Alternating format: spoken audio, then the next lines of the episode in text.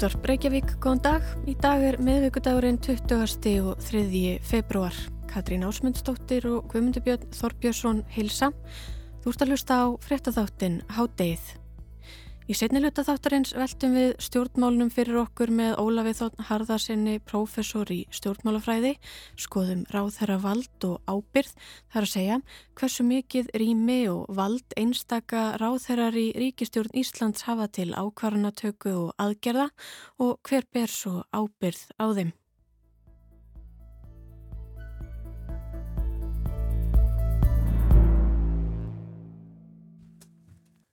En við ætlum að byrja á því að tala um hernarbröld rúsa í austurluta Úkrænu en þó með aðeins öðru sniði en síðustu daga við ætlum að tala um fílinn í Herberginu, Kína sem er jú annars þesta efnahagsveldi heims og fjölmennasta ríki heims.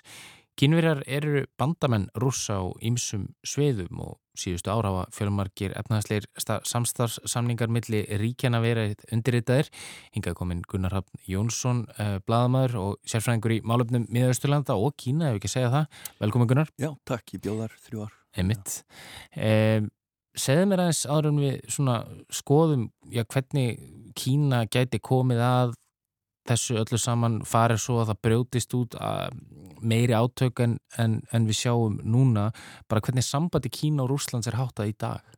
Það er, hefur verið greiðalega flókið allt frá tímum Sovjetríkjana því að náttúrulega þá voru þetta tvö kommunistaríki en þau voru samkjöfnisæðalar og það voru, voru landamæradeilur sem enduði í stríði árið 1969 sem að kínverja nokkuð munna mjög vel eftir að einhverjum ástæðum er mjög greift í kínverska þjóðasál þarna þessi ropning á, á samstöðu kommunismans í austri. Þannig að það hefur verið ákveði vantraust sem að hefur gilt á milli, milli rúsa og kínverja áratugum sam, saman og þeirra hafa ímislegt uh, sameinlegt hvað var þar hagsmunni gangvart vesturveldunum en um leið eru þeir líka samkjæfnisæðlar og, og hafa landamæri og, og hafa svipaða nágranna sem þeir eru að sækjast eftir að rækta sterk sambund við og einnig náttúrulega er NATO-fílinn í herbygginu.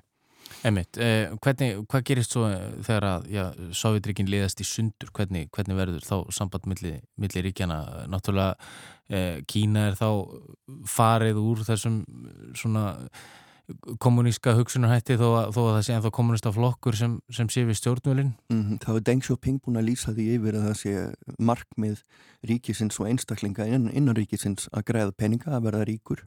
Það sé alveg hluta kommunism eins og, og hverjannur Uh, stefna að, að, að geta uh, auðgast og orðið öflugt ríki.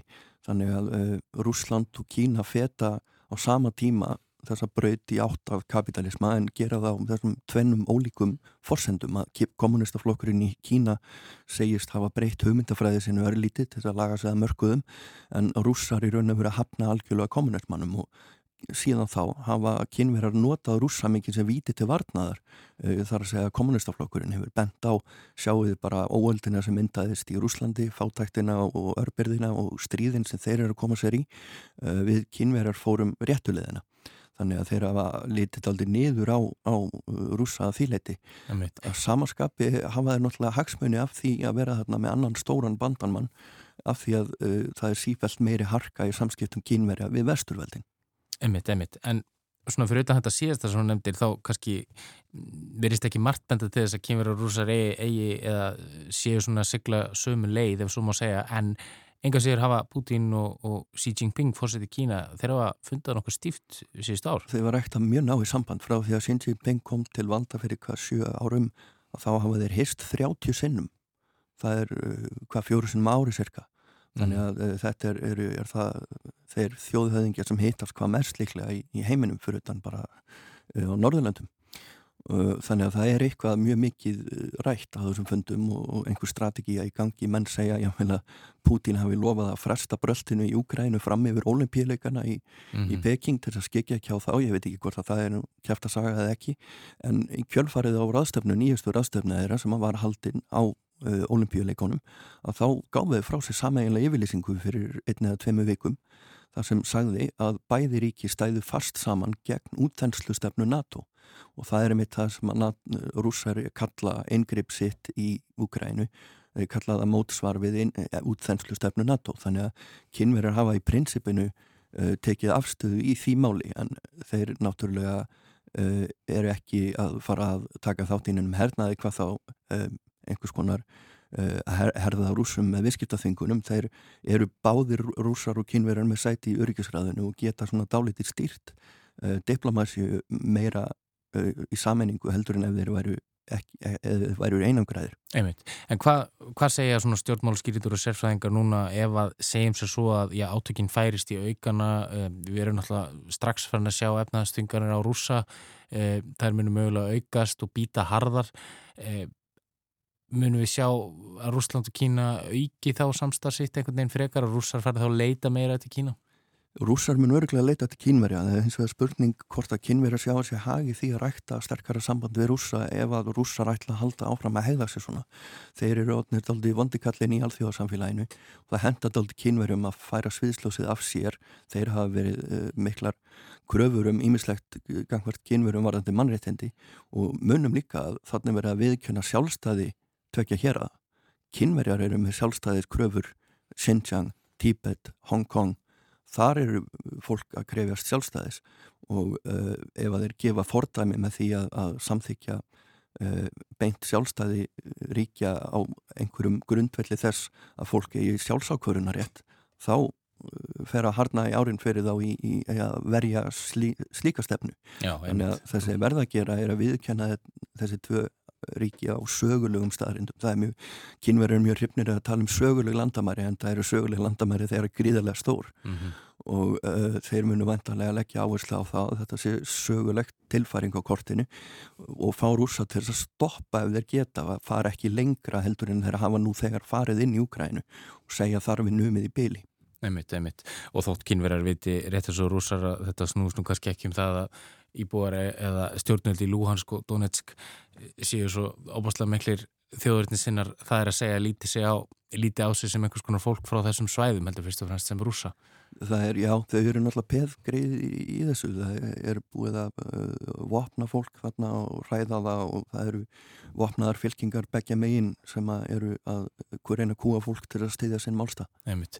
En Gunnar, svona í lokin þá fann langar maður að ræða þessu um, um þessar viðskiptaþingarnir og, og ef við lítum kannski sérstaklega á, á ólíu og gas sem að Evrópa er náttúrulega sko, mjög háður Úslandi hvað mm. þetta var þar og við hefum séð, við sáum viðskiptaþingarnir eh, byrjuði í gær, það er að býta helst þessa ríku, ólíkarka eh, en það er svona verið að passa að þetta komi kannski ekki nýra á rúsneskum almenningi og ekki evróskum almenningi, ekki alveg strax Nú hækkar ólíu verða á mjög slæmum tíma þannig að það er eina sem að gerist er að mennur að refsa sjálfum sér í raun og veru með því að vera refsa rúsum mm -hmm. með því að stöðu ólíu og gasútflutning það er mjög erfið stað að vera í að hver skipti sem að þú skýtur ofinina þá ert að hæfa sjálfaði um leið Þannig að uh, Evropasambandi er tildulega bitlaust með að við ofta áður í, í, í þessu og, og ef olíhan hækkar þá er það náttúrulega bara hærri gróði fyrir rússa og þeir eiga hjá örugleiki í neinum vandraði með að finna kaupendur.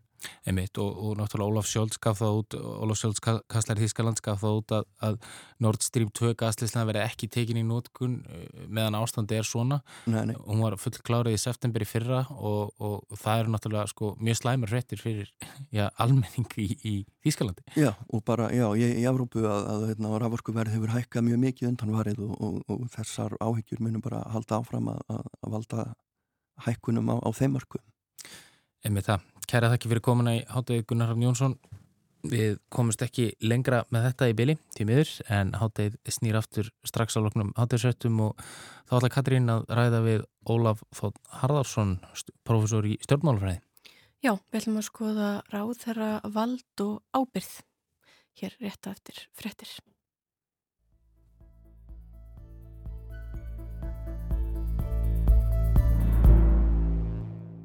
Nýjir dómsmálaráð herra tók við með nýri ríkistjórn í fyrra eða þannig séð nýjir dómsmálaráð herrar og eða nei, innan ríkisráðherrar því ennbættinu var breytt og ráðherrar í fleirtölu því tilstendur að Jón Gunnarsson sinni ennbættinu tæplega fyrstu tvö ár kjörtímabilsins eða svo og að Guðrún Hastinsdóttir tæki þá við. Og með nýri ríkistjórn kom líka nýr stjórnarsáttmáli, eins konar starfiða leiðarlýsing fyrir áþærana til að vinna eftir. En þar má meðal annars finna ímislegt er varðar stefnu stjórnvalda í málefnum útlendinga sem meðal annars heyrundir ráðurneiti nýju ráðherrana. Það er til dæmis hveðið á um að þáttaka fólks af erlendum uppruna ebli íslenskt samfélag og sé einn forsenda fyrir vexti efnahagslífsins að mati nýju ríkistjórnarinnar og það standi til að móta skýra og heildstæðastefnu í málefnum útlendinga á kjörtímabilinu, að endurskoða lög um útlendinga og atvinnuréttindi þeirra með það markmiði að rýmka ákvæðir varða útgáfu dvalaleifa á grundvelli atvinnu þáttöku og auka skilvirkni með einföldun ferla. Það þurfi að rína í framkvæmt núverandi kerfa og stopnana sem sinna málafloknum, auka tröst og gagsæjum ákvarðanir útlendinga yfirvalda og stitta málsmeðferðatíma en eigi framkvæmtin að vera skilvirk, fullnæjandi og mannuleg. Og síðan nýra á þeirra tók við hefur ímislegt gerst. Til dæmis hefur frumvarp til breytinga á útlendingalögum nýlega verið endurflutt fyrir alþingi en það er meðal annars hveð á um að réttindi og framfærsla umsækjanda um alþjóðlega vernd falli niður 30 dögum eftir að endalega sinjun liggi fyrir. Rauðukrossin hefur hins vegar bent á að rati þetta ákveði í lög getið að skapað alvarleg vandamál og gert umsækjandur berskjaldaða fyrir hverskins misbeitingu, mannsali og ofbeldi. Þá er einnig lagt til í frumvarpinu að lauruglu verði veitt heimil til að skilda útlendinga í heilbreyði skoðun og læknisrannsókn ef nöðsynlegt þykji til að undsja að vísa fólki á brott. Við það ákvæði hefur Læknafélag Íslands gert alvarlegar aðtjóðasendir en það þýði það að læknar verði þá settir í þá mjög svo erfiðu stöðu að þurfa að velja á milli þess að fylgja annarkvort landslögum eða fara að alþjóðlegum síðareglum lækna. Auk þess var ákveðið að samningur við Rauðakrossinum réttar aðstóð umsækjanda um alþjóðlega vend sem rennur út í vor verð ekki framlengtur. Unni sé að því innan stjórnsíslunar að finna út hvernig best verði staðið að framtíðar fyrirkomulagi varðandi talsmanna þjónustu við umsækjandur um vend. Þá hefur ráþurann verið gaggrindur fyrir að draga það eða standa í vegi fyrir því að útlendingastofnun afhendi allsherja nefnd alþingis gögn sem nefndin þurfi til að afgreða íslenskan ríkisborgararétt. Þegar svona á þetta er fljótt á liti þá verðast kannski sumar þessar aðgerðir og tillögur ekki endilega að vera í samræmi við þau markmið sem útlistuð eru í stjórnarsáttmálanum. Já, eða ítla til þess fallin að ná þeim. Já, eða hvað? Og hversu skýr er stjórnarsáttmálinn og út frá þessu þá vakna kannski aðra spurningar eins og einmitt hver er eiginlega raunverulega ábyrð ráþæra, hvaða völd hafa ráþærar í ríkistjórn Íslands til aðgerða og ákvarðanatöku og ber þeim að fylgja stefnu stjórnvalda í einu og öllu. Við bárum máliðundir Ólaf Þótt Harðarsson, professor í stjórnmálafræði.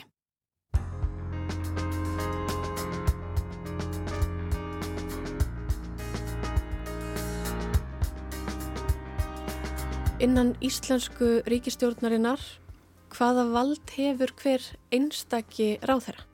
Já, hver einstakur ráðherra hefur tölvert vald og í rauninni í reyndinni hefur hann, hafa íslensku ráðherrarnir oft meira vald heldur en ráðherrar hér í nákvæmlandunum. En þarna þarf að greina á milli hluta á sviði ráðherrans sem annars vegar snerta lögjöf vegna þess að hann náttúrulega setur ekki lögin til þess að koma stjórnarfrumvarfi um, um lagabreitingar í gegn þarf hann meiri hluta á alþingi og e, ef stjórnaranslæðin eru móti þá verða, verða stjórnarflokkallir allir að vera sammála um að, að samþykja það stjórnarfrumvarf sem er í farvatninum. Hins vegar hefur ráðherran verulegt vald, hann setur sjálfur allar reglugerðir og síðan eru fjölmarkar stjórnvalds ákvarðanir ráðunitisins sem geta haft miklar uh, stefnumótandi afleiðingar og þar er ráðherran í íslensku hefðinni ekki mjög bundin vilja ríkistjóðnarinnar.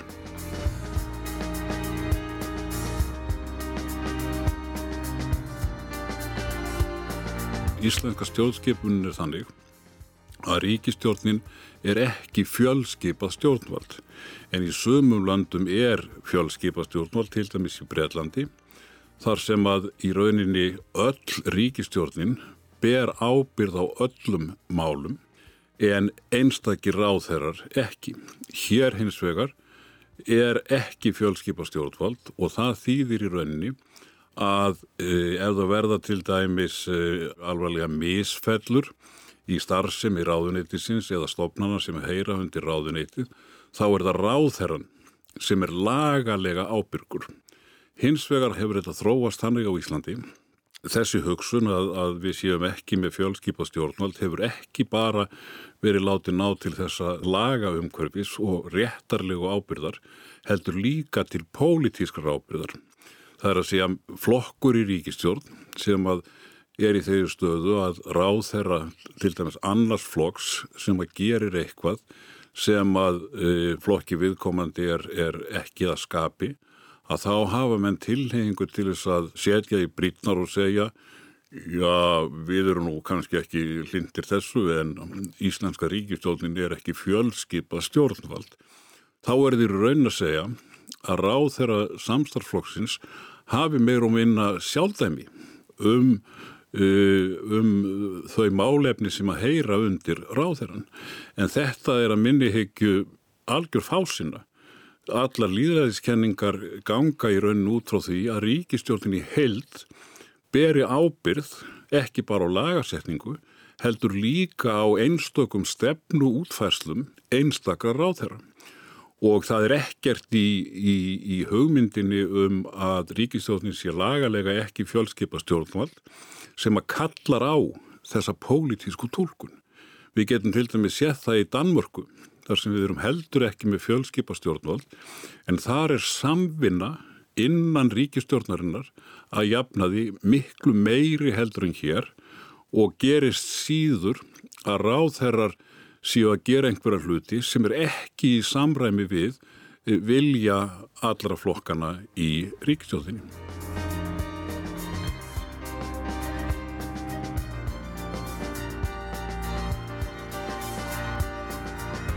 Í þessum ákverðunum og þeirra ráð þeirra hefur í rauninni einhvers konar rými eða svejanleika eins og í stjórnvaldsákverðunum og, og setningu reglugerða og samningu reglugerða. Hversu vítt er það vald? Máttu gera hvað sem er eftir eigin höfði eða ertu einhvers konar á einhvern nátt bundin af, náttúrulega bundin af lögum, en ertu bundin af til dæmis flokkslínum, stjórnarsáttmála, ríkistjórnar, svona hversu umfangsmikið er það vald? Já, það er nú tólkunaratriði en, en auðvitað þá er, er ráðarinn á hann að vera bundin af stjórnarsáttmálanum og hann á auðvitað að reyna að fylgja stefnu síns flokks en í rauninni er það stjórnarsáttmálinn í samstipustjórn sem að ætti að gilda meira heldur en stefna flokksins vegna þess að flokkurinn hefur væntalega gert málamiðlanir við stjórnarmyndunina um það að koma ekki öllum sínum stefnumálum í gegn. Og það væri auðvitað mjög ankanalegt ef að ráð þeirra Uh, væri að berja í gegn stefnu sem að væri andstöðu við, í skýrri andstöðu við eitthvað sem að hinnir stjórnarflokkarnir vil, vildu ekki og ekki hefði verið samið um í stjórnarsáttmálunum. En ráðherrarnir hafa í reynd býsta mikið vald en það byggist að verulegu leiti á þessari íslensku tólkun og í rauninni má líka segja að þetta mikla vald ráðherran á Íslandi að það ræðist í rauninni af því að ríkistjórnirnar kjósa að viðhalda þessari hefð.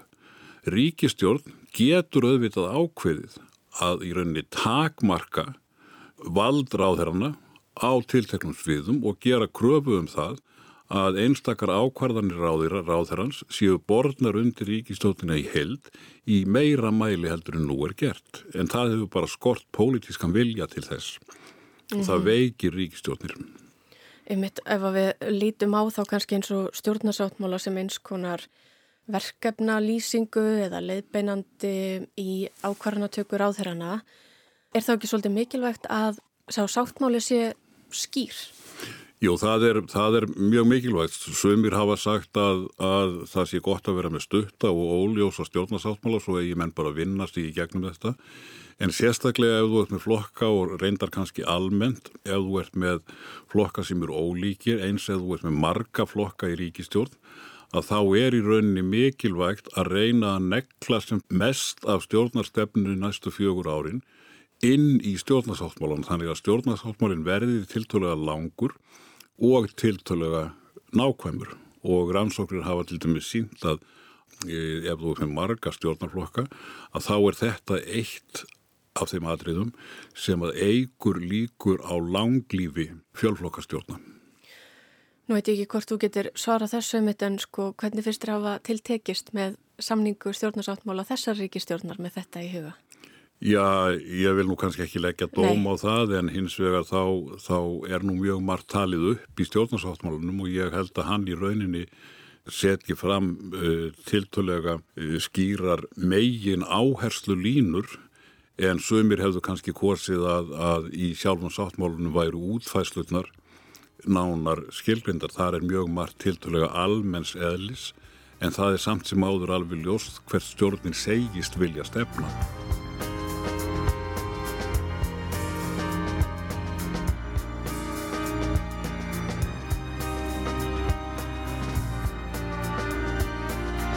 Ef við lítum svo á að uh, ráð þeirra hafi þarna ákveði mikið vald til eigin ákvarðanatöku uh, flokkarnir eru líðræðislega kjörnir en skipan í ennbætti fyrir eftir samkommulagi milli síðan flokka mm -hmm.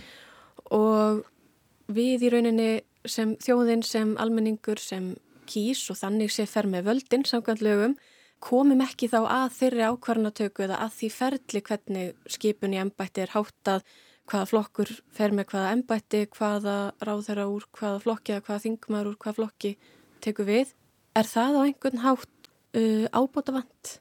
Ertu að tala um, um ennbættaskiptinguna á ráðherra ennbættum? Já. Já, ég sé nú ekki hvernig það ætti öðruvís að vera heldur en að stjórnmáluflokkarnir sem að mynda ríkistjórn þeir verði sjálfur að ákveða sína verkaskiptingu. Mm -hmm.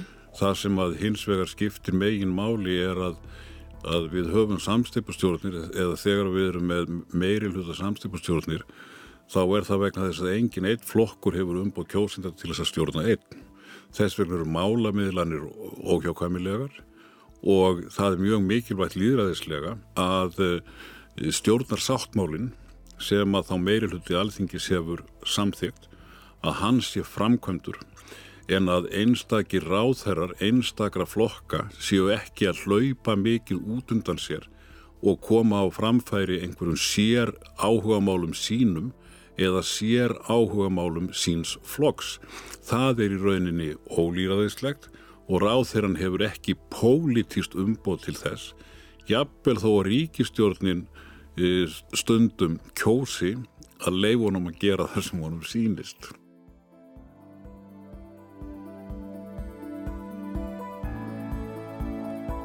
Sæði Ólafur Þótt Harðarsson, professor í stjórnmálafræði.